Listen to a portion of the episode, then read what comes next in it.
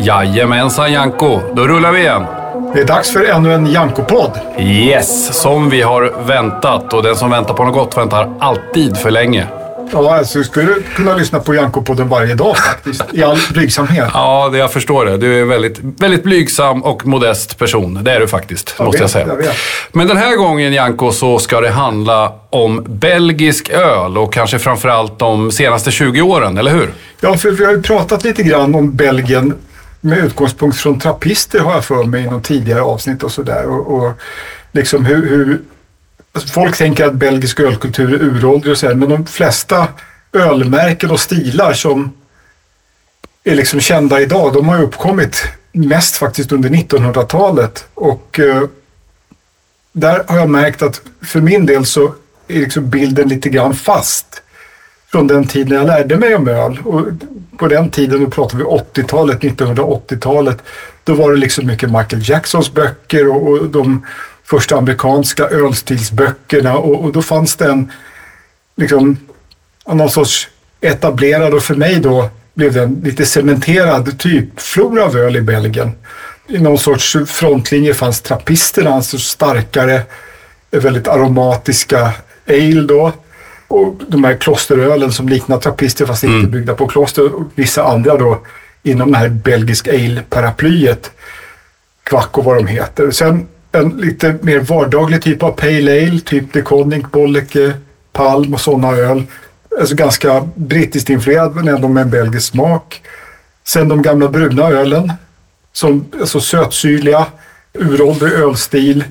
Lite nya uppstickare där. Dolle hade ju kommit då som hade öl i den stilen. Sen de spontanjästa förstås, den familjen som var på utdöende mer eller mindre säsong och sen veteöl. Det var i princip, alltså det- är min orientering. Och sen under 90-talet så började det komma liksom andra bryggerier och stilar som folk började prata om. Jag kommer ihåg det kom så här belgostouts och Deranke med kryss på med humle i. De brukar ju inte vara Ja. så beska belgiska öl och sådär.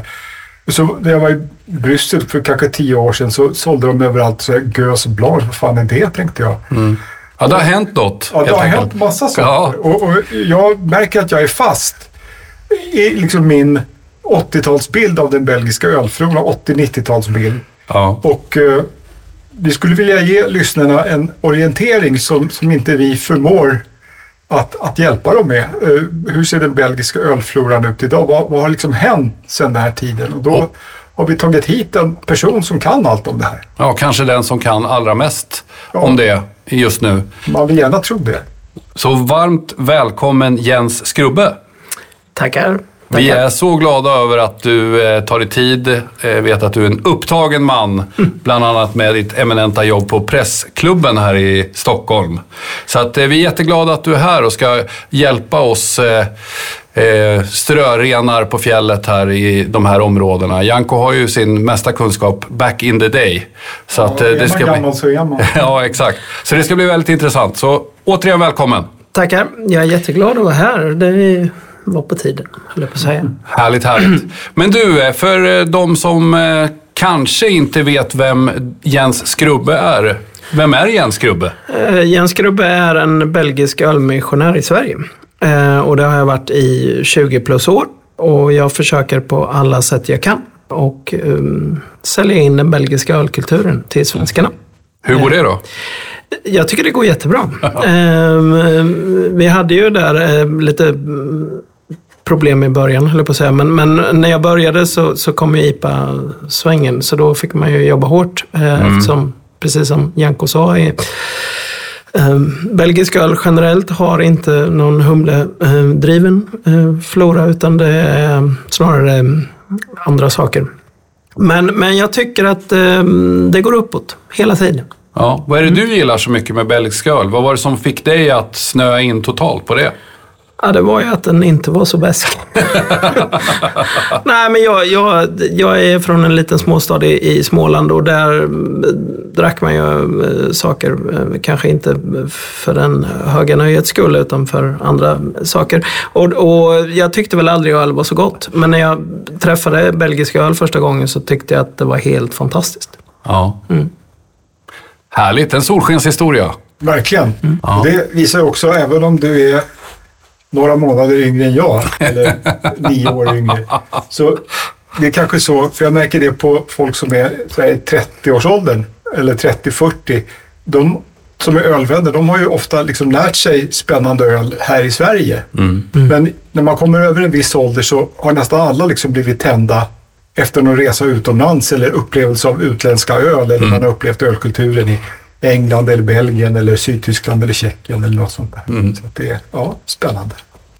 Men du Jens, vad, vad, vad hände där då? Eh, och- Om man säger att, att eh, om du, vare sig du håller med eller inte, köper bilden som jag gav av ungefär den typ flora som, som var aktuell för 30 år sedan eller så. Vad, vad, vad hände sen liksom?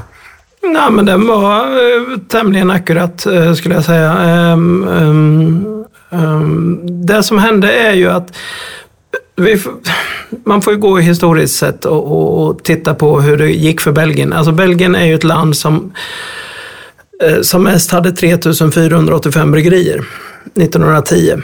Men ändå hade de problem med sin egen identitet, så det är därför de tar fram de här som du nämnde, Bolleke och Palm, det vill säga den ölstilen som heter Special eller La Belge.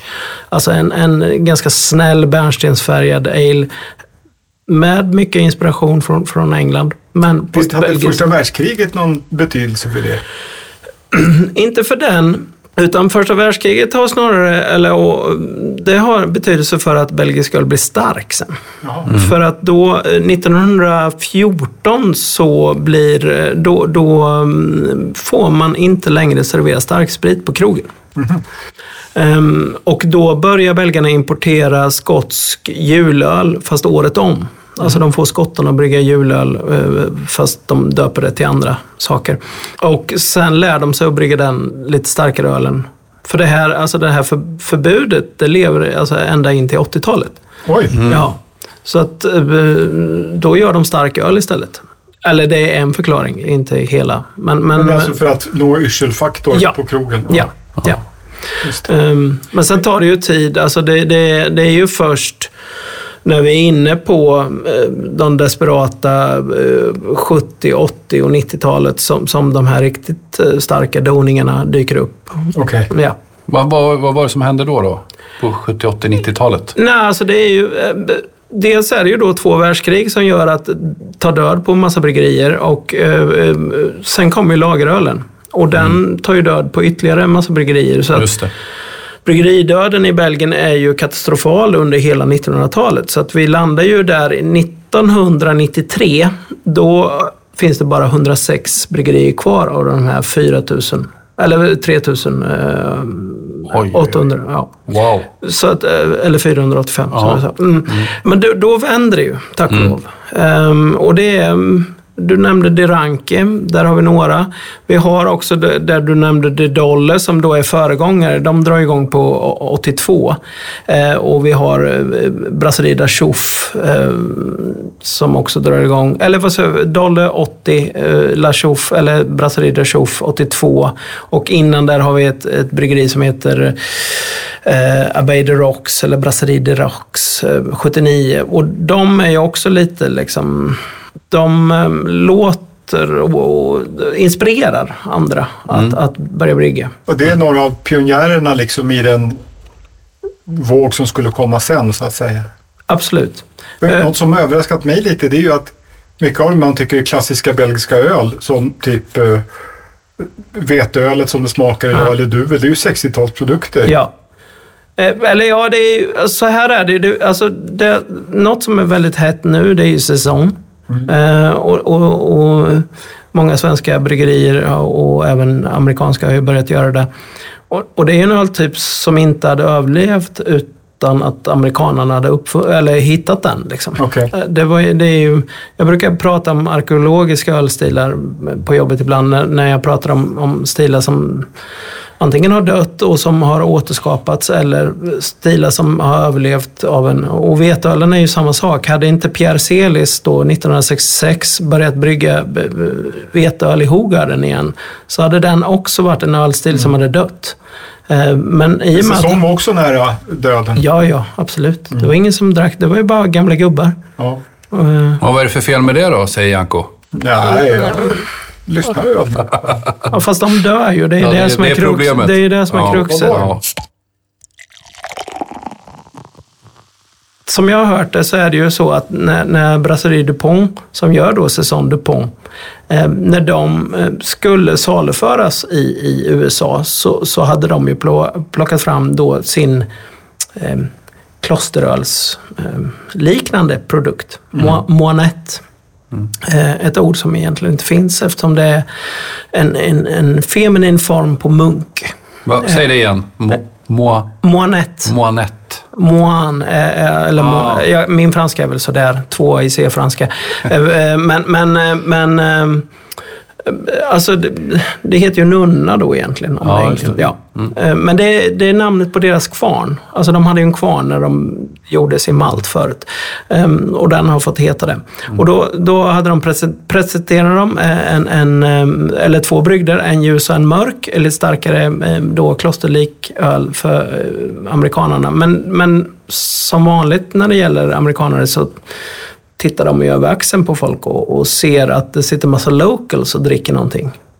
Och eh, Brasserie DuPont var inte alls så sugna på att- berätta vad det var. Men, men amerikaner kan vara väldigt övertygande. Så att till slut fick de ju eh, nys om det och tyckte att den produkten var ju fantastisk. Och det är ju då Saison DuPont som vi ser på Systembolaget idag i både stor och liten flaska. Och så, jag menar i...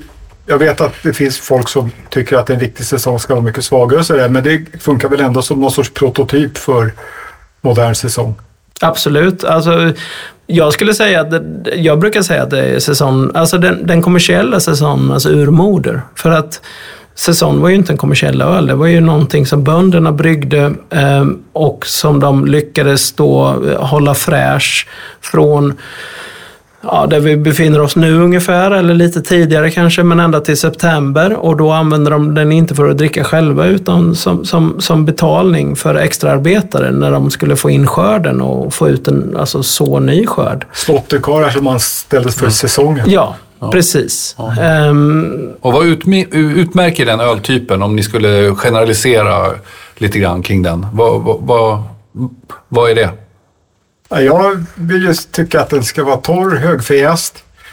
Eh, till skillnad från de flesta andra belgiska öltyper så får den gärna smaka lite örtigt från humlen. Eh, sen så diskuterar åtminstone hembryggare så här om, om det får vara funkighet eller syra i den också. Men det är ett lätt högfräst öl och med det är inte så mycket banan och nejlika som är, är liksom starkare belgisk ale utan det är eh, lite snipigare och eh, elegantare om man får uttrycka sig så, aromatiska komponenter i. Har han, har han rätt Jens? Ja, eh, absolut. Eh, Men jag tycker, alltså det finns ju ofta lite estrar. Jag brukar säga att nej, den är inte söt, utan det är estrarna du känner. Alltså från, från eh, de här ganska uråldriga gäststammarna. Eh, men torr, absolut, den ska ju vara knastertorra. De är ju utjästa å det grövsta liksom. Det finns ju knappt någon ölstil som är så hårt utjäst. Mm. Men eh, ibland kan man ändå uppleva den som liksom, åh, är det inte lite sötma jag känner? Men det är det inte, utan det är snarare då gästen som slår igenom och ger den här. Är inte det ett lite generellt drag för många belgiska öltyper att de har liksom en sötaktig komponent i doften från kandisocker eller från fruktighet från jäsningen. Men att de egentligen när man mäter är väldigt liksom högförjästa. Jo, eh, alltså ja, absolut. Mm. Ja, candysockret är ju ofta där för att, pimpa upp den. Liksom. Men det jag, måste, alltså det jag imponeras av, för att det är så farligt i Sverige att prata om sötma, för att vi, vi är jätterädda för ordet söt. Även om, om norrmännen inte ens kommer hit och handlar våra mat, fast den är billigare för att vi har socker i allting. Ehm, men belgarna gör det så raffinerat tycker jag, så att den där sötman blir god. Alltså den, den är så balanserad, snygg. Inte att den är sötkladdig. Sen finns det ju såklart undantag. Alltså. Jag får gå tillbaka till säsongen där. För att, eh, om vi säger att då genom amerikanernas intresse för Saison DuPont så överlevde öltypen och, andra bryggerier gör det idag. Hur har liksom den utvecklats sen eh, 80-90-talet? Alltså, Nej, alltså, ja, den, nu är ju den, alltså jag skulle säga att lambicken och säsongen är ju det som belgarna är- är mest kända för. Och det är de ölstilarna som folk försöker att kopiera och folk försöker att få tag i. Så det är inte det här klosterölsaktiga komplexet som var störst då, för 30-40 år sedan. Nej. Utan det är lite liksom, elegantare öltyp, eller kan man säga. Ja, eller ja, alltså det är inte, alltså att vara starkast är inte bäst längre utan det ska snarare vara Folk letar mer och mer, alltså vi blir ju medvetnare och medvetnare om, om vad vi gillar och, och att, att det ska vara snygg balans. Men, men som jag ser nu så, så är, alltså säsongen var ju Alltså den första svenska eh, kommersiella säsongen kom ju för, 20, eller för 13 år sedan. Ehm, eh, eller ja, 14. Men, men ehm, nu finns det ju alltså varenda, nej inte varenda, men, men det finns säkert 50 svenska säsonger. Jag råkar ju veta att det finns en halvintresserad kille från Tranås som, som till och med brygger säsong. Nå, alltså det är ju, det är ju kul. Ehm, ehm, och det är ju... Att säga att jag brygger är faktiskt att förtala. Alltså jag är ju en, sån där som då har hittat på en sak som jag låter professionella bryggare eh, göra. Ehm, så, fast vi är alltid på plats eh, och det är viktigt tycker vi. Att eh, vi, vi är där. Även om, ja, och så brukar vi hälla i humlen. Det är ungefär där. Ja, berätta, vad, vad, vad gör du för öl? Alltså jag, vi gjorde ju en säsong just... Vilka är vi? Eh, Det är jag och min, min eh, gode vän Gustav Westerberg. Eh, vi, vi, vi hade en uterestaurang två och en halv dag på, på skördefesten på Öland. Och jag i något svagt ögonblick sa att nästa år ska vi ha en egen öl och den ska heta Söderviks säsong. Pang! Och det skulle vara en säsong för att det var en skördefest och det var en skördeöl. Eh, Och byn hette så, eller hur? ja. Byn. Ja, byn. Alla, Ladan. all, alla 25 husen och pizzerian. Ja. Eh, nej, jag vet inte. Det är kanske fler. Men, men, men eh, och egentligen visste jag nog inte hur jag skulle gå tillväga, men då hade jag turen att, att träffa Håkan Lundgren. Ehm, Ölprofil. ja, det får man väl säga. Ja. En, jag ska bara säga att han, han var liksom en av de drivande skaparna av Svenska Ölfrämjandet i mitten på 80-talet. ja. Sedermera mannen bakom Svenska Hembyggarföreningens utbrytning från Svenska Ja. Ölfrämjandet. Starta Kungsholmens kvartersbryggeri som blev Nils Oskar. Ja, Tärnö hette det väl. Ja, de var flera. ja. Och han, var med, av han var med även när Sigtuna drog igång. Så. Ja, Ja, han, men han är ju faktiskt en ikon tycker jag. Han har fått lite skit. Men det ska han inte ha. Han, han ska fan ha cred. Ja. Hur som helst, eh, han hjälper oss att ta fram den första eh, då, eh, prototypen. Eller vi gjorde tre olika prototyper som då blev den här.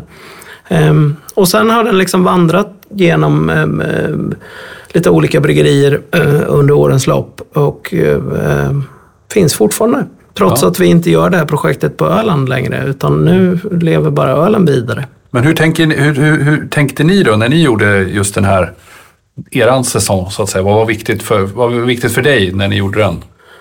Att den skulle vara så nära Saison de Pont som möjligt. Nej men för mig det, det är liksom urtypen. Alltså det här med att slänga i massa kryddor och örter och bär och frukter som folk gör. eh, Det får de gärna göra. Men det är inte den säsongen jag vill ha. Eh, Jag är inte heller så förtjust i, i eller det går väl an nu, men, men då när vi, när vi hittade på den så ville jag inte att den skulle vara så här amerikaniserad. Det vill säga att man, det de kallar för farmhouse ale av respekt för, för, för belgarna. Det vill säga att man är mer hu- humlestinn då. Alltså att man trycker i mer humle. Eh, Men, men jag Ja. menar, det, det är upp till var och en. Ja. Ja. Spännande. Jag har vid några tillfällen när jag provat öl i Amerika träffat en belgare som heter Yvan de Batz. Vi har pratat säsong ganska mycket. Och, och han tycker då att ett öl som Säsong de Pont, det är säkert jättebra, men han tycker det är alldeles för starkt. Han pratar om så här 4% i säsong och så. Är det något som har blivit en grej eller är det mer liksom en ölnörds åsikt? Nej, jag skulle säga att eh, Van de Betz är... ehm, han som vet mest om säsong i hela världen. rätt. nu, nu levande. Ja, absolut. Och han har ju rätt. Alltså den är ju för stark nu. Alltså det, det, du kan inte sätta eh, en lie i händerna på någon som har smackat i sig en 6,5 procent i bärs. Liksom. Eller det kan kan man, men... Jo, Ja. men det är, det är inte att rekommendera. Nej, nej. Och han har ju gjort med sitt bryggeri Brasserie de la Seine eh, otaliga eh, säsonger. Ehm, och, och det är högt och lågt, men, men jag skulle säga att han, han, det han, alltså han har ju bistått också. Det finns en, en bok som, som är skriven om, om ehm, den här typen av öl som han har skrivit det mesta i, känns som. Och, Eller framförallt den belgiska delen. Och, och nej, han, han, ska du lyssna på. Han vet mer än vad jag gör. Finns det några bra liksom, exempel, till exempel från det bryggeriet då, eller något annat på den här mer lättare säsongen? Som, Ja, faktum är att hans, ja den är ju lite svagare, men den, är, den de gör varje år som heter Saison de May Boom är ju fem och en halv, så den är ju inte så jättesvag. ingen folköl direkt. Nej, nej. Ehm, Men det är något sånt man föreställer sig, liksom. Ja. Mm. eller 4 procent som en tjeckisk P10. eller sånt där. Ja. Nej, men det, det är inte något kommersiellt exempel som jag kan komma på på rak arm som jag upplever som är en riktigt bra säsong. Sen, sen finns det ju några som är... Alltså Moanet gör ju, eller Brasserie DuPont gör ju en, en, en öl som heter Biologique. Som är 3,5. Okej. Och den är ju också väldigt säsongig. Likt allt deras öl. Ja. Men om vi går tillbaka då. Du nämnde amerikanarna och, och, eh, och, och hela de, deras betydelse för, för den belgiska alltså framväxten. Vad, vad hände sen då? Vad var liksom nästa stora kliv där som var viktigt?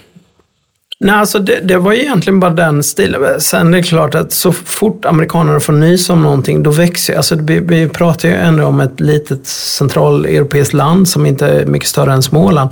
Um, så det betyder ju, och, Michael Jackson är ju, alltså han är ju A och O skulle jag säga. Ehm, ehm, för att han lyfter ju då upp det här lilla landet som är väldigt dålig ja, på att marknadsföra sig själv. Så att där Visst, har, visst har belgarna dåligt självförtroende? Jag tror vi pratade om det i något tidigare poddavsnitt. Att då, antingen så är det liksom... Ja, jag vet inte om det har med självförtroende att göra eller om de bara är... jävligt- De är bra på att brygga bärs men inte så bra på det andra. Alltså det här att lyfta sina grejer.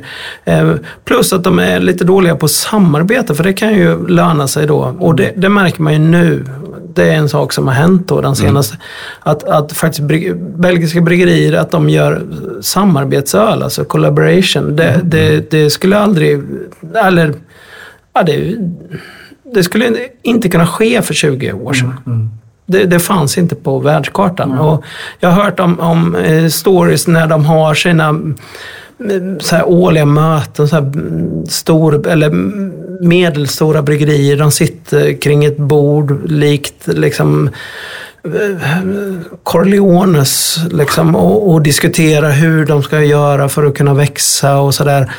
Ehm, och, och, och klappa varandra på ryggen och säga ja men vi, vi ska samarbeta. Och sen så när de går därifrån så är det så här, nej fast vi, vi håller oss på vår kant. Ja, och, och de går till lokala puben och dricker sin öl. De, du vet, de, de utvecklar sig inte Nej. genom att testa kanske grannens öl eller det andra bryggeriet. det är som det här eh, föreningen för traditionell lambic. Ja. Där en fjärdedel av bryggerierna inte är med. Och det växlar lite, de går ur och går in och så här. Nej, men det, jag tycker inte om den medlemmen för de tummar på principerna så jag är inte med. Alltså, man ser tendenser på liksom att de, när de samarbetar så går det bättre. Men du nämnde Lambic där. Ska vi ta det också? Vad det är för öltyp? Och den är också väldigt viktig för, för, för belgarna. ja, definitivt. Ja. Det är ju då spontanjäst öl, alltså där man inte... Det som i gammal litteratur kallas för luftjäst öl, som man låter bli infekterat av mikrober. Där absoluta merparten utgörs av vanlig överjäst, då som finns överallt naturligtvis, men där också ingår andra svampar som Brettanomyces som ger en stallton och sen olika syrabildande bakterier. Men det är väl också en ganska modern företeelse, eller? Alltså det där, just den här föreningen som heter Horal tror jag va? Ja, det är korrekt. De eh, har ju liksom ända sedan Jacksons tid eh, odlat en myt om ölets uråldrighet. Eh, och nu har jag tappat författarens namn, men det kanske Jens vet. Det kom för inte så länge sedan någon som hade rotat lite i det där och att, att det liksom eh, egentligen inte finns belagt på det sättet för, för, en, alltså för ungefär 200 år sedan och att det inte var ett landsortsöl utan ett brysselöl eh, som man gjorde för att öka hållbarheten på, Okej. på det här, alltså med lagringen. Mm. Så att, ja, jag vet inte. Eh, men det är i alla fall speciellt och det har väl också varit en, kan man säga, utdöende öltyp. Definitivt. Eh, b- Jag har också glömt namnet. Jag har boken hemma. Ja. Lambic. eh, Fantastisk, en bibel. Nej, alltså Horal bildas ju 1997 för att... Och, och, alltså de är ju oroliga för att det börjar ju gå åt käpprätt åt eh, Fanders. Um, ehm, det är också samtidigt som, som tre av de här ganska stora Lambic-bryggarna eller profilerna går tillsammans och, och bildar ytterligare en, en, ett, ett bländeri som heter ehm, ehm, um, um, Dicam. Men, men sen är det ju, och så, alltså när jag började med det här så det var ju samma visa. Det var, det var ganska tungrott och det var väldigt prisvärt att dricka Lamec på den tiden. Det, det kostade inte många kronor hit och dit. Eh, men sen är det ju någon gång i mitten på 00-talet, när det, eller kanske närmare 2010, när det exploderar. Eh, mm. Och då exploderar det ju, eh, alltså, så, de blir så chockade och tagna på sängen och eftersom det är en produkt som tar, alltså från korn till flaska så är det ju tre, fyra år. Så att det är klart, man har ju inte lagersaldo på det. Liksom. Ehm, ehm, ja. Men är det någon, är det någon jag bara frågar här, är det någon PR-kupp som sker eller någonting? För att jag menar, det är ju inte världens mest lättsålda öltyp. Den är inte supertillgänglig egentligen för vem som helst. Utan vad var det som hände där egentligen? Är det någon som vet? Ja, folk tröttnar på sötma. Och, nej, men Ja. alltså så här. Ja. Blir man väl torsk på, eller fast i syraträsket, då, då lämnar man inte det. Nej. Eller så, så upplever jag det på ganska många av mina gäster och några av mina kompisar. Alltså, det här med syrlighet, det är ju någonting som vi har em, glömt. Eh, Jag menar förr var allt syrat. Eh, Men, men det är någonting som, som jag tror, tror ligger, och nu killgissar jag å det Ja, grövsta, det får men göra. Det är att det ligger djup, djupt rotat och, och att man faktiskt em, när man väl blir fast, och det kan ta ett tag, men då, då lämnar man inte det. För för mig är det också så tydligt. Jag, jag blir ganska lätt öltrött. Det vill säga trött på liksom malt och humlesmak. Eh, och när jag är i Sydtyskland så kan jag dricka en Silvaner till exempel i Bamberg. Ett, ett eh, som enkelt vin. Men om jag är i Stockholm eller i Belgien eller sådär, då sticker man emellan med ett surt öl som inte smakar malt och humle. Ja. Utan som smakar liksom uh, dynghög och, och, och, och filmjölk. Liksom. Det är helt perfekt. Mm, du säljer in det så härligt tycker jag. Ja. Ja. Hästfilt och Ja. Ja. stall. ja. Fantastiskt. Ja. Men har, har det kommit nya producenter av, av Lambic sedan dess? Ja, och jag vill också eh, gå in, alltså Horal är ju, det är lite stökigt. Men, men de börjar ordna upp sig och nu är det nog, förvisso Cantillon till exempel, som är väldigt känt i Sverige. De har aldrig varit med. Eh, för att det ligger en gammal fade med eh, drivfontänen. Alltså den är så gammal och det är, nu, det är ingen som vet längre varför. Men den är fortfarande, det är fortfarande en fade. Ma- är, ma- ma- är, är det inte Belders och van Looys gammelfarfar? Ja, typ. Alltså, they, have, ja. they have agreed to disagree bara. Ja, men Ingen lite vet så. riktigt varför. Där, jag har sett bilder i, när de har varit i USA och faktiskt hållit om varandra. Men, men det tror jag... Ja. Nej, eh, eh, men nu har DeBelders också, eller nu är DeBelder är ju död nu tyvärr, men, men han, han fann ju en protégé, eller en, en arvtagare, eh, Michel Bl- Blancart, eller hur det nu uttalas, som, som du, nu driver skeppet vidare.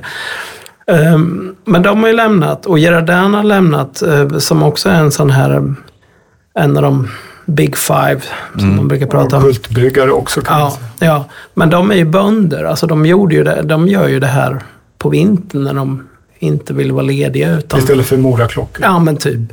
Eh, Så, att- men, men, det, men det är liksom... det, det börjar styras upp och det kommer nya, eh, både blandare och eh, tillverkare faktiskt. Så att, Finns det någon ny som man borde nämna? Liksom? Ja, alltså det finns ju de här hipster, eh, alltså de är ju så och de är, de är bra. Alltså, de är dyra som poker, men goda som guld, brukar jag säga. Men, men de får man ju inte tag i, så det verkar onödigt att nämna dem. Liksom. Ja, alltså, någon som man får tag Ehm, alltså det finns ett, ett eh, nytt som heter Lambic Fabrik. Eh, sen 2016. Och det är eh, jag brukar säga det, det är två, för det är två grabbar. Och de är ju ganska normala. Ehm, ja. Va? Eh, ja, men, Otroligt. Ja, men för grejen är... brett eld eller? Precis, Ja. precis. Nej, för, ja, men det jag vill säga är ju att för att hålla på med en produkt som tar, alltså innan du får avkastning, det är tre års väntan. Du, det krävs ju en viss typ av människa. Eh, så det är mycket bokstavskombinationer i den här världen. Ja. Men just de här grabbarna är faktiskt tämligen sunda. Och de, de brygger sin egen lambic och de är också medlemmar i Horal nu då sedan Ja, nu har vi det där pandemiträsket, men någonstans 2019. 20. Mm. Men den får man tag på i Sverige. Ja, det finns en importör. Eh, dock har de, inte, ja, de har fått in någon produkt på systemet, men eh, det finns på diverse välsorterade krogar. Om du skulle jämföra dem med, med äldre märkena som finns, så att säga, vilken riktning går det i? Alltså, Gös, så här är det, har jag upptäckt, att det tar ju några år. Alltså det måste sätta sig. Alltså Tilkan var ju, när han drog igång 2009, 2010, då var ju han ju först sedan 1997 då. Um, det, det, var ju liksom ingen annan som hade på. Var det Decamp som kom 97? Ja, precis. Och de var ju då, då var de det första på 40 år. Så att det, vi pratar ju, det, det var inte jättepopulärt att vara lambic-bryggare. Nej. Um, men, men det tar några år innan man lär sig och innan man får in sin rutin. Tilkan nu tycker jag är fantastisk. Men det har ju liksom tagit uh, 13 år. Um, Lambic Fabrik har faktiskt gjort det nästan lite fortare skulle jag säga. Mm. De, de börjar bli riktigt bra också nu. Ja. Uh, för de kan vara lite, uh, lite korta i början kan jag tycka. Alltså smaken finns där men sen så försvinner den. Okej. Uh, lite för fort. Man vill ju att den skulle... vissa av de äldre också. Jo, ja. absolut. absolut. Ja.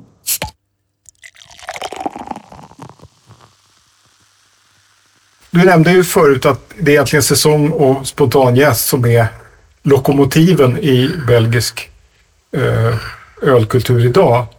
Något som jag skulle vilja komma in på lite och gärna få hjälp att sätta i lite kontext för det är lite förbryllande för mig om det är varaktigt eller om det var en trend eller hur det är. Men det här med eh, den belgiska liksom vanliga starkare alen, allt ifrån vanliga Blond och Bryn till klosteröl och sånt. Man börjar mickla i parfymerad humle. Jag vet inte hur det är idag, men det fanns ju en tid när ganska många belgiska öl hade så här citra hopp, eh, trippel och, och alltså. Det, är det någonting som har fastnat eller? Definitivt. Ja. Eftersom det inte fanns så var det ju ett sätt för folk att dryga ut sin portfölj. Alltså man hade sin standardportfölj som var ganska klassiskt belgisk men så, så kom ju den här humletrenden. Ja. Som jag sa, ja, någonstans 05 till 10. Och då började folk göra ytterligare en öl som de kunde ha i sin portfölj. Så de har inte ändrat sina recept utan de har Nej, gjort de... ett märke till? Ja, ja, precis. Finns det några av de ölen som på de här tio åren sedan det började, eller vad det nu är, som liksom har etablerat sig som någon sorts uh, bra exempel i, i den stilen? Ja, alltså det är väl, du nämnde trippelhopp, det är ju duellen där då, det finns andra som använder det epitetet också. Men, men jag skulle säga Houblon Chouf är väl den som är, för den är ju fortfarande väldigt belgisk i sin, eh, alltså den smakar ganska belgisk. Men du den menar är den här yes-karaktären? Ja. ja. Eh, men sen är det ju alltså bryggerier som, jag kopplade ett eh, just idag, precis innan jag kom hit, där jag skulle kunna lura vem som helst att det här var en jänkare. Liksom. Mm. Och de har till och med de har snott eh, både etikett och namn från eh, ett amerikanskt bryggeri som heter Other Half. Fast de har bara vänt på mm, namnet liksom. Eh, och de gör nästan bara sån där modern, såsig IPA liksom. Ja, ja. Så att där har vi ju också... Det, det jag skulle säga, det, den stora grejen är att, att bredden... Alltså, det jag fastnade för när jag började med det här, det var ju att, att bredden på den belgiska ölen var så otroligt stor. Jag tyckte det var fantastiskt. Eh, Alltså men, redan nog på gamla tiden. ja, men nu har ju den breddats ytterligare åt alla håll och Det är kanter. det Alltså, som förvirrar mig så. Jo, jag förstår. Och jag menar, det är, det är ju, ja, ibland eh, finns det ju öl som Henok skulle vara stolt över. Alltså, det, är- det är bacon och det är lönnsirap och det är hela, ja, det är hela fruktcirkeln. Eller vad det är. Men det verkar också då som att de, för många länder så har ju den här typen av öl, då menar jag de senaste 5-10 årens hypermoderna stilar, mm. man ska säga just de här eh, snabbsuringarna och eh, hazy ipen och sånt. Det byggs ju som nya öltyper just, men det verkar som att belgarna delvis har liksom lyckats kombinera den här parfymhumlingen med sina egna, med sin egen jäskaraktär. Eller det kanske finns både och där. Ja, jag tror det finns både och, eh, och. Men du har helt rätt om att hela den där svängen finns ju också. Och jag, jag tänker, nu är det så att från det här 1993, då, 106 bryggerier, så nu är de uppe på en 700 igen då. Om man räknar in alltså fantombryggare och sånt. Alltså märken kan man säga. Ja, precis. Men då finns det ju fantombryggare som är seriösa och de som bara vill tjäna pengar och allt däremellan. Så. Ehm, det finns ju liksom ungdomar som håller på och fantombrygger för att till slut ha råd och dra igång sitt eget bryggeri. Ehm, men, men då, alltså de gör, alltså de är inne och lallar på alla tänkbara ölstilar som till och med du kan nämna. Alltså de är, kör gås och de kör, vi har ett bryggeri som drog igång under pandemin som i stort sett bara brygger liksom pilsner och Hefeweizen och Hopfenweizen och hela, Mm. och på burk också. Vilket är, ja, men det, är- det är också en sån grej som var jättekänslig för Belgien. Det här med att, alltså burk, det kunde man göra. Alltså då, det var ofta de lite större bryggerierna och det var sånt man skickade till USA eller Asien. Det var ingenting som fanns hemma liksom. Något som slår mig här, det är med tanke på att det är så diametralt olika ölkulturer i grund och botten så tycker jag det låter väldigt mycket som Tjeckien. Alltså även om de har liksom, traditionell lager som sin. Och det är precis samma tendens där. Att det, har, det är hundratals bryggerier, inte 700 men de är nästan 500. Också väldigt mycket så här, kaffe, blåbärsöl och alltså, så långt ifrån. Fast en och annan har också plockat upp det traditionella och gör det Mm. liksom nästan riktigt bra. Och i undantagsfall riktigt, riktigt bra. Så. Jo, men det, det, jag tror det, det är väl också det rädslan för att slåss med bryggerier som har varit igång i 100 plus år.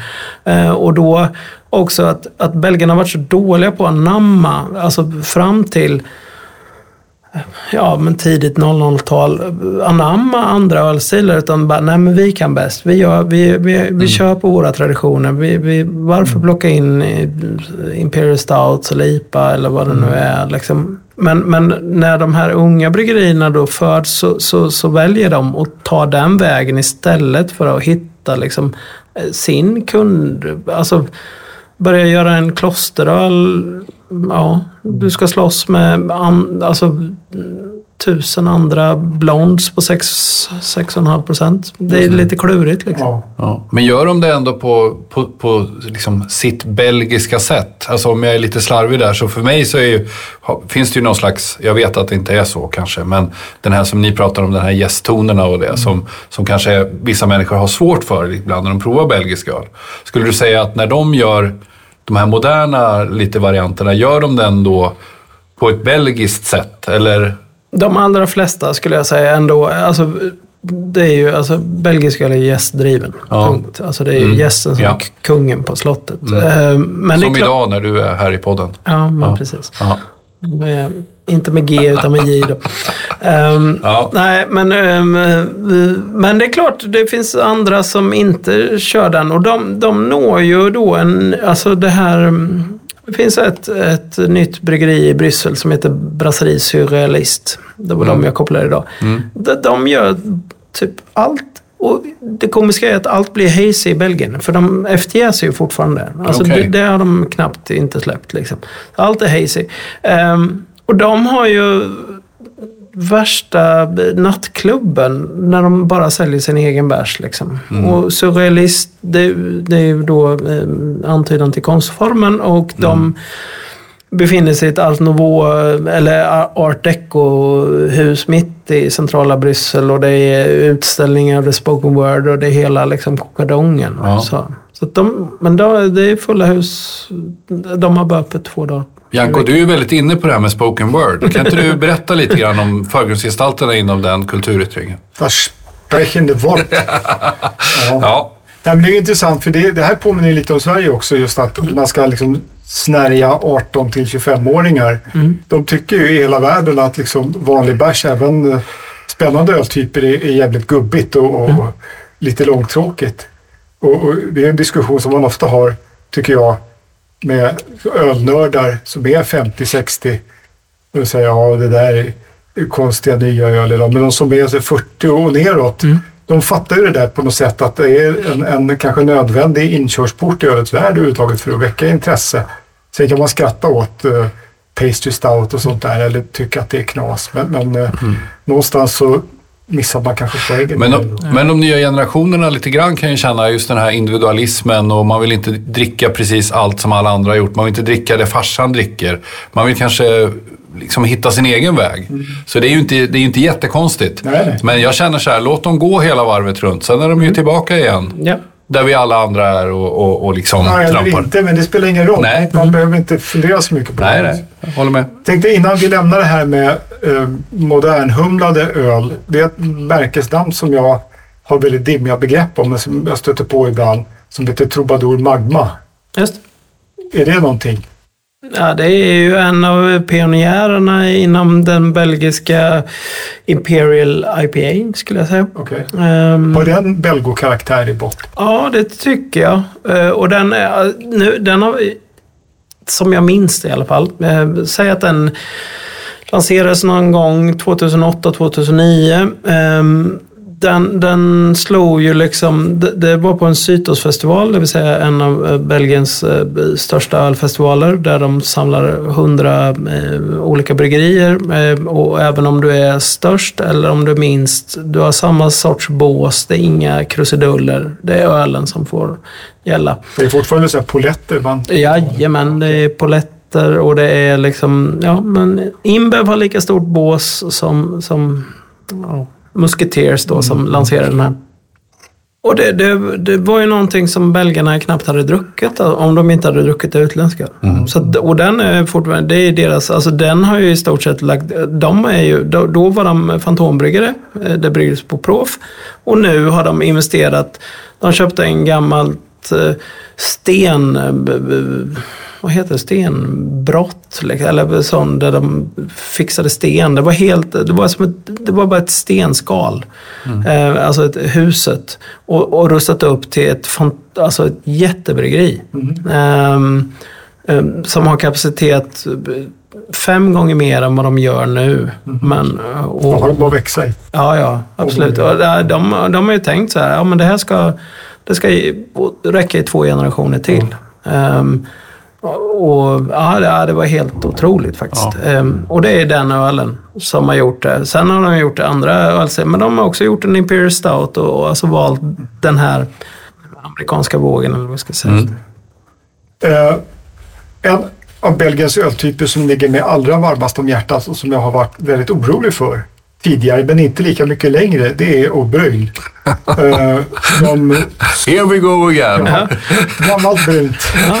Jo, men det alltså, jag märkte under liksom mina första 20 aktiva år, alltså från mitten på 80-talet till mitten på 00-talet ungefär, då, de försvann ju som under Ja. kulspruteeld. Det fanns när jag började kanske 30 bryggerier som hade olika Petrus och Paulus och vad de hette och Bavik och hit. Och de var mer eller mindre bra, men de var liksom ändå spännande och ganska ålderdomliga, lite gubbiga sådär. Eh, och kronjuvelerna var ju då Golden Band och, och Rodenbach. Och sen var det typ nästan bara de kvar, eh, med några undantag. Men sen har jag förstått att det har liksom kommit nya även där, alltså som inom lambiken att, att eh, det finns någon form av återväxt säkrad och att de hör till de bästa också. Kan du berätta lite om det? Ja, absolut. Och, och för att ta även de här, alltså jag menar bara Leifmans då som gör Schodenband, alltså där började de ju pastörisera till exempel 92 tror jag det är. Så att den tappar ju, alltså den var ju fortfarande god men den hade inte samma lagringspotential som, som förut. Eh, Rodenbach har också blivit eh, lite för stora för att, att ta risker med att Visst är det så att de bygger på ett ställe och jäser på ett ställe eller vad är det? Nej, inte nödvändigtvis eh, så, men, men eh, alltså processen som jag förstår det, jag är inte så egentligen så processintresserad, jag är mer skrön och historieintresserad. Men, men processen är ju ganska lika mellan då lambic, alltså spontanjäst-öl och, och den här eh, så tillvida, eller att man blandar då gammal och ny öl. Men sen har man ju då längre koktider när man gör en, en ordbrun.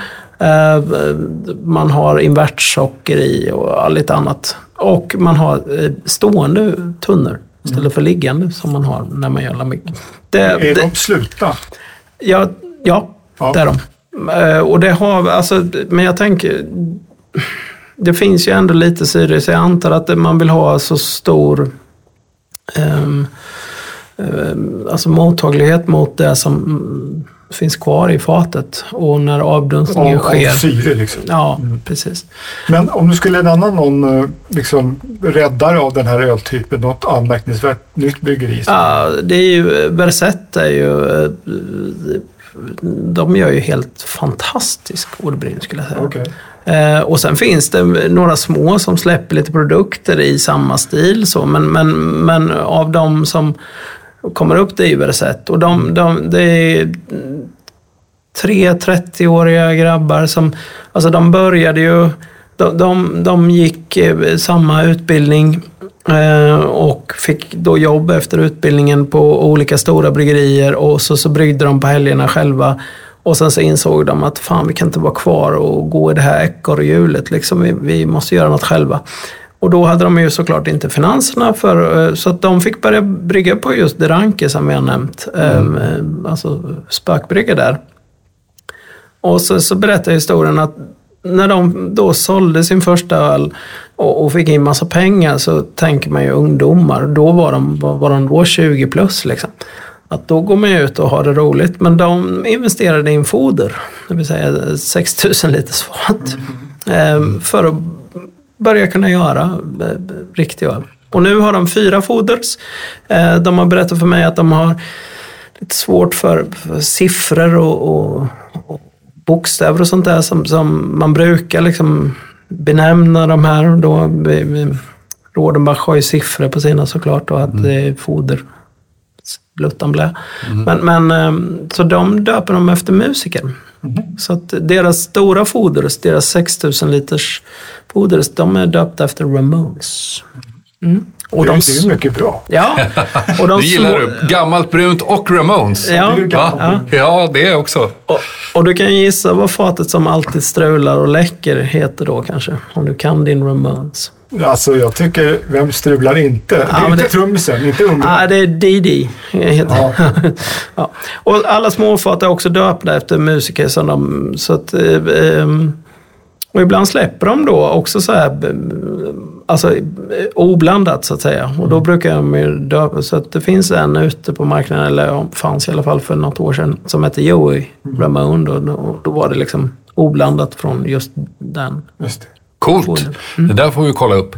Jag vill sticka emellan med en fråga. Du har säkert ännu fler, Janko. Men jag är lite nyfiken. Ja, men jag är lite nyfiken på den, den svenska marknaden för den belgiska ölen. Du är ju, som du sa, du har dragit en lans i många år för det här i Sverige. Men vad var det som hände i Sverige? Jag, jag fattar ju att EU-inträdet eh, betydde mycket såklart. Det fanns väl inte den här typen av öl i Sverige knappt innan dess. Men skulle du kunna bara göra en kort rekapitulering vad som har hänt? Alltså jag var ju inte med då när Janko var med. Men, men 95 är det väl när vi släpper på alkohol. eh, Alltså att vi får servera, eller sälja öl som är starkare än 5. Eller kanske 94 faktiskt. Ja, okej. Ja, Ja, men det det är nu är någonstans. viktigt. Ja. För innan, jag har sett gamla, jag har sett gamla systemkataloger innan Ja. och det finns ju några stackars belgare som ligger och skrotar liksom. Ja. Ehm, och då är det ju så att då, då finns det ju inte så många som plockar in belgisk öl i Sverige. Utan det finns ju eh, typ ett företag eh, som jag förstår det som heter, eller hette Reuterwall och så. Eh, och där Håkan Reuterwall har gjort ett jävla hästjobb. Alltså han, han, han hade ju liksom verkligen plockat russinen ur kakan. Så det var, Och Anders Rydmark som jobbar med honom. Ja, det är eh, så mm, möjligt. Precis, men, men de hade en jättefin portfölj och, och så dök det in. Och då triggade det ju igång fler aktörer. Så det fanns ett ehm, ehm, företag i, i Göteborg som också började skapa en belgisk portfölj då. Jag tror de hette ehm, Amazing Beers kanske? Ja, det är eh, Andreas Fält och, och eh, han med tuppkammen som har ett eget bryggeri nu. Och, lite så. Eh, och de plockar in, de har säkert en 50 olika produkter. Liksom. Och det är någonstans, där växer ju eh, ölintresset och det, det är ju där jag kommer in. Eh, sen blir det ju en liten dipp då i och med IPA-vågen. Eh, men dippen blir ju på ett bra sätt för att det är ju faktiskt fler som eh, tycker att öl är gott och, och blir nyfikna. Så att vi märker inte av den så mycket även om andra märker att det ökar för dem så att säga. Så att vi gör ganska konstant där och sen när folk har gått IPA-varvet så har de ju börjat komma till oss vilket är jättetrevligt. Så att då, Pressklubben menar du? Ja, precis. Ja. Eller, eller Ja. nyfikna på, på något Ja. annat Ja. liksom, än, än bara humledriven öl. Och, och då blir ju belgisk öl ganska intressant Ja. eh, för de flesta. Och, och där kan man ju, man kan ju grotta ner sig å det grövsta liksom. Just för att det är så brett. Men, men, men vad, vad, vad, vad... Ja, det var kul. Men vad, vad rekommenderar du till en... Om du skulle rekommendera min son som är 19 år och han dricker ju liksom A-bro helst. Och, men han är ganska nyfiken av sig. Vad, vad rekommenderar du till en oskuldsfull ung man eller kvinna som kommer in och vill prova belgisk öl för första gången? Hur liksom approcherar du och vad, vad rekommenderar du? Ja, alltså jag brukar ju ha en dialog då. Mm. Eh, för att det går ju inte bara, alltså ge mig en öl. Nej, Nej. Eh, utan, men, men en, en standard, alltså en ljus belgisk kloster ale är ju en klassiker. Mm. Eller en saison. Alltså, om man har dem där, då, då kan man gå vidare sen liksom. Mm. Eh, ska smaka tydligt belgiskt men inte vara liksom clownigt. nej, alltså trycka en, en eh, Marisol trippel eller en Westmalle trippel och börja med, då, då kan man skrämma dem lite grann. För att, Ja.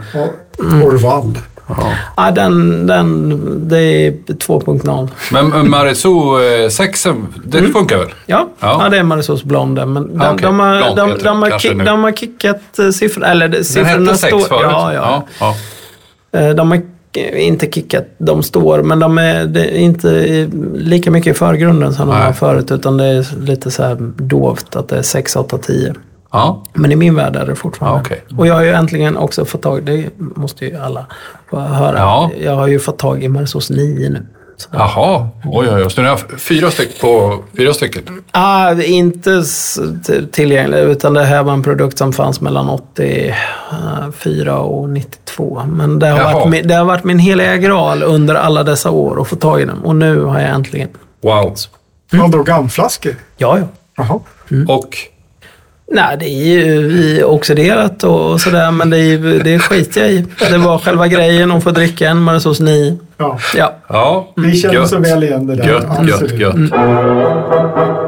Jag skulle vilja bara några ord ytterligare om några andra öltyper som vi har nämnt förut men inte berört så mycket nu. Jag tänker den här belgiska arbetaralen, typ de Koning. Har den utvecklats eller är det mer som den här eh, vanliga blond, brun, att, att det finns så många att det inte är värt att tävla i liksom där, eller har jag skulle snarare säga att den ölstilen har dött. Eh, alltså lite, eh, snarare så, är det dött så kan jag inte säga, men, men, men Deconic och Palm har varit så stora så att det har liksom, ingen har gett sig in i det träsket. Däremot har de varit, alltså Kvack är ju som en utveckling av det skulle jag säga. Alltså det är ju en ambré också, men, men lite mer potentare. Ja, ja. Där är I Tyskland skulle det vara en bock eller dubbel. Ja, precis. Så att, att, att göra en, en amber eller en, en, en, ambré, eh, 7-8 procent, där har vi fler. Det. Eh, Men det är faktiskt några som har gett sig in och göra. Alltså, men det, det är inte så... Det är ganska små bryggerier som gör då en Labelge eller en special. Mm. Ehm, Ambré var för en yngling här, vad är det? Bärnsten. Ah, Okej. Ja. Ah, okej. Så Alltså, det är halvmörkt ja. Det är intressant för jag hade Ja. kopplat det här förut. Det var som en, en ögonöppnare för mig nu när du sa det där. För Amber. Nu är jag med. Sorry. Att, att blond och bryn.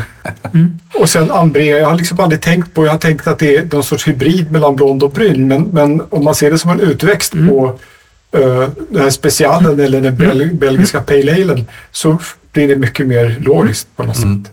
kan du säga till de här hamburgerföreningarna också. Jag har bråkat nu i 15 år på att de ska ha en Just en, en klass som heter Ambré och att inte Bush Ambré eller Kvack eller de ska behöva tävla med st- Strong Belgian Ale för att de torskar ofta på färgen där. Liksom. Just det. Vad är det? Är det en brun eller blond? Ja men precis. Ja. Ja. Precis, ja. Nej, Ja. Det är en Ambré. ja, ett inlägg i debatten här alltså. Ja. Mm. Sen veteöl nämnde jag ju eh, lite grann förut också. Du nämnde Pierre Celis och eh, hans återuppväckande av, typer och sådär. Eh, jag har ju sett att det kommit, det fanns ju några märken redan då, alltså då på 80-90-talet, eller Ja. det kan så vad det var. Men sen har jag sett för mig eh, tidigare okända märken så det verkar också liksom vara, finnas en ganska välförsedd flora idag. Ja. Är det något där som man inte bör missa? Nej, alltså... Nej. Nej, men eh, så här är det. Alltså det, det här är ju, till skillnad från, från sydtysk veteöl som är mig veterligen den vanligaste i Sverige. Så, så, alltså belgisk veteöl är ju mer en, en törstsläckare, en sommaröl. Och de gör dem tämligen lika. Det är jag ska erkänna, det är inte riktigt min favoritstil. Men, men många kopierar ju alltså Hogarden. Eh, så tillvida att det är, det är ofiltrerat, det är opastöriserat. Du har den här lätta målniga touchen med och det, du har det här lilla koriandersticket, den här lilla lätta syran från pomeransen. Det är, de, de rimmar med varandra. Alltså de spelar i, på samma bollplan och nästan att alla är i straffområdet. Alltså det, Ja. det är liksom... Ingen som sticker ut. Nej, det finns ju några som gör, du vet, de trycker i lite mer humle eller de, de har ju också börjat, och det är ju ett elände skulle jag vilja säga, när de trycker i essenser i dem så att det blir fruktvarianter. Alltså då, det är ju... Det Nej, gillar vi inte. Nej. Nej, Nej, jag gillar allt eh, Nej. som utvecklar Nej. ölet. verkligen inte. Det gör det ju absolut Om inte. jag tolkar det rätt då, så att om man tycker att en viss etikett är snygg så kan man välja den. Liksom. I stort sett. Det tycker jag. Och, och det finns nästan en... Alltså, v- när jag började så fanns bara Hogarden. Men så ibland, de har nästan en eller ett par till nu på systemet. Antingen i tillfälliga eller faktiskt på hyllan. Och det, de, de funkar jättebra. Och det kan jag också rekommendera de som lyssnar att använd eh, gärna den här ölen i matlagningen. Alltså, för det, alltså som ingrediens. För det är, Mm. Vad ska man koka den i? Alltså du kan göra en alltså fisksås eller en, en alltså det är, du kan göra en, en, en sorbet med veteöl och, och, och mynta. Det är magiskt liksom. Nej, men Bra det, det, tips. Ja. ja, men istället för vätska så använder man veteölen. För den, den ger perfekt smak. Den har liksom ingen beska direkt utan det är, den ger lite sötma och, och lite mullighet. Jag, jag gör en väldigt enkel sås till fisk. Oftast om jag får tag på färska spättafiléer till exempel. Som jag kokar i typ som serr eller något annat torrt vitt vin. Och sen lägger jag i grädde och det är ju liksom schalottenlök eller purjolök i och så kokar jag ihop det lite. Det skulle man kunna testa att göra precis samma fast med en belgisk vete. Exakt. Man kokar fisken i Ja. och sen i med grädde. Ja. Mm. Det skulle kunna funka. Det Ja. blir ju lite av den där kryddiga tonen också. Smarrigt. Sen tänker jag, nu hade jag ju min utgångspunkt och så här, eh, min referensram, men finns det någonting som vi inte har pratat om som du tycker är jätteviktigt och centralt i liksom, belgisk ölkultur idag? Eller någonting som är på kommande eller något som vi inte har berört helt enkelt? Nej, alltså jag tycker att det är kul med alla de här nya. Alltså, ju, ju, även om de, precis som vi varit inne på, gör en Pacer Stout eller något så är det ju på belgiskt maner och det, det blir tokigt ibland, och, men ganska bra ibland. Så det finns en uppsjö bryggare som, som gör riktigt knasiga öl och, och, och, som tyvärr inte riktigt alltid kommer hit. Då. Men, men, men eh, jag, jag är väldigt positivt överraskad över att, att även under pandemin när Belgien var nedstängda, alltså de var nedstängda i 300, nej vad säger jag? Ja, det, det, det, ja, hur många dagar som helst. Alltså Horeca, det vill säga hotell, restaurang och kaféer var nedstängda. Eh, och trots det så, så ö, alltså bryggeri, det ökar bryggerimängden. Eh, så det finns en del som gör... eh, ja, ett som jag bara tänker på hela tiden när jag eh, sitter här och, och, blarrar nu, det är Doc Brewing. eh, Ett bryggeri i, i, i Gent. Som, eh, deras intention var ju att man skulle behöva åka dit för att dricka ölen. Det var bara fatöl. Mm. Men pandemin gjorde ju att de var tvungna att börja buteljera och, och ibland burka sina saker. Mm. Men där... Vad är det för stil på dem då? Ja, det är alla. Alltså även belgiska och utrikiska och... Alltså de, de gjorde en, en eh, blond som hette Ja, den är på tapp 17. De har ju en fatanläggning där då. Jag vet inte hur många det är, men det är 20 plus granar. Och de fick den frågan så jävla mycket så att eh, då gjorde de en blond som de satte på tapp 17 som fick det namnet. Ehm, Och det är en konventionell blond. Ja. Eh, nej, de gör allt möjligt. De har till och med gjort en ytset som är en sån där arkeologisk öl som jag också försökt mig på en gång. Eh, en, en, ja, det betyder ju sätta ut. Men, men man brygger genom hö, eh, underifrån, eh, man plockar ut det starka först och sen blandar man i det och, det och det ska vara koktider på, jag vet inte, åtta timmar. Det är galet liksom. Låter nästan som i förra avsnittet när vi pratade om gammalt öl. Ja. Eh, Sillbottnar av hall och så. Ja, ja, ja vi körde det. Ja. Men har du någonting mer du vill nämna? Just om du tänker lite nutid och framåt och så vidare. Hur, se, och hur ser du på den belgiska ölen framöver? Vad är din spaning? Alltså min spaning är att jag, det verkar gå ganska bra. Ja. Ehm, jag, var ju ner, jag har varit nere några gånger nu efter pandemin. Under pandemin var det ju tyvärr helt kört. Men, men ehm, såklart är de oroliga för alla stigande kostnader precis som alla andra bryggerier. Men, men eh, det verkar ändå finnas en optimism som, som eh, leder dem framåt. Och, och de, de är öppnare nu. Alltså, I och med att det är ju ett generationsskifte lite grann. Så att, och mycket yngre bryggerier eller yngre eh, förmågor. Och de, de är inte lika rädda för att, att sno grejer. Utan, alltså, jag ser mm, fram emot en fortsatt belgisk eh, ölkultur som kommer att vidgas och, och bli ännu bättre. Tänker jag. Och som jag förstått det då, jag som gillar liksom hot och deppighet och sånt där, då är det den här konventionella pale som är liksom mest ute. Det finns några stora märken, men det finns liksom ingen återväxt eller... Nej, den är ju den, den är inte jättepopulär. Alltså, det, det, många förknippar ju belgisk öl med styrka och då funkar det liksom inte med en 4,5. För, men, men det ska sägas också. Det, det här, det som folk inte tror finns, finns ju också. Det vill säga alkohol, lågalkoholsöl. För de har haft en kampanj eh, i, i 20 år plus nu. Alltså, eh, som kallas för BOB. Eh, Det är en förkortning för någonting som är inte vet. Men, men det innebär att man ska ha en bob med i sällskapet, det vill säga en snubbe som inte dricker. Eh, för att det här med att drink and driving var ganska stort i Belgien förut. Eh, och de har lite högre toleranskrav än vad vi har, eh, vilket inte är så bra. Men, men, men därför har det dykt upp en, en ganska stor flora med lågalkoholsöl. Alltså. Det är som efter första världskriget fast tvärtom. Ja, men det- alltså det Tafelbier fanns ju och det finns några klassiker kvar. Liksom Det Peter. Buff och ja. Men, men nu finns det liksom en, en eh, precis som i Sverige, en, mycket större flora och ganska bra saker också. Mm. Men det är ju vettigt för Mm. att jag menar tidigare var det ju, kunde det ju vara i princip hur full du ville om det inte du gjorde ingenting. Så länge det Mm. inte hände någonting.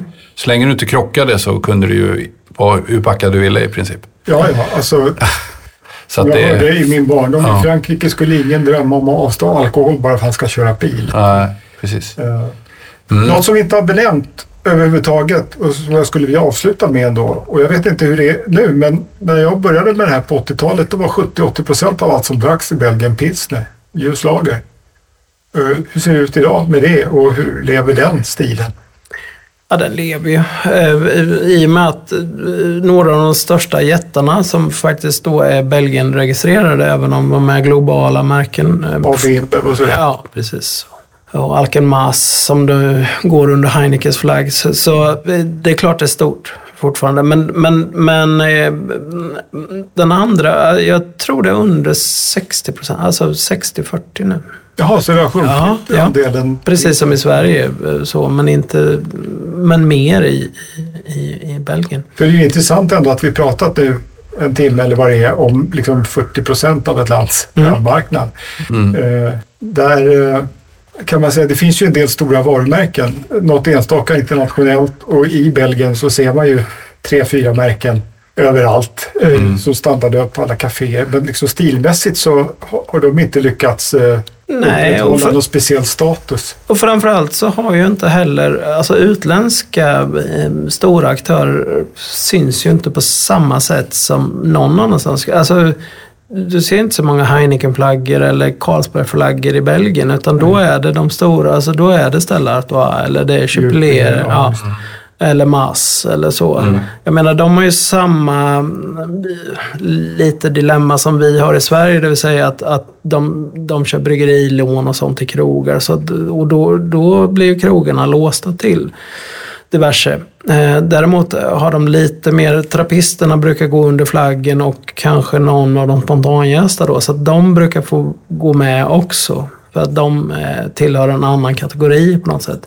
Man fyller ut sortimentet men Precis. inte kan. Så sylterna sylta har ändå liksom 15-20 bärs på, på Och det har jag upptäckt faktiskt just i Antwerpen i Bryssel. Man kommer in på så här. Mm. 15-20 öl varav åtminstone 5-6 är sådana som man gärna beställer. Ja, absolut. Det är ju kul. Mm. Jag måste ändå säga, det var ju länge sedan, det var på 90-talet jag var i Antwerpen apropå belgisk pale ale. De här miljöerna, de här arbetarkrogarna, folk satt och rökte i slitna kavajer och drack Bolleke efter Bolleke.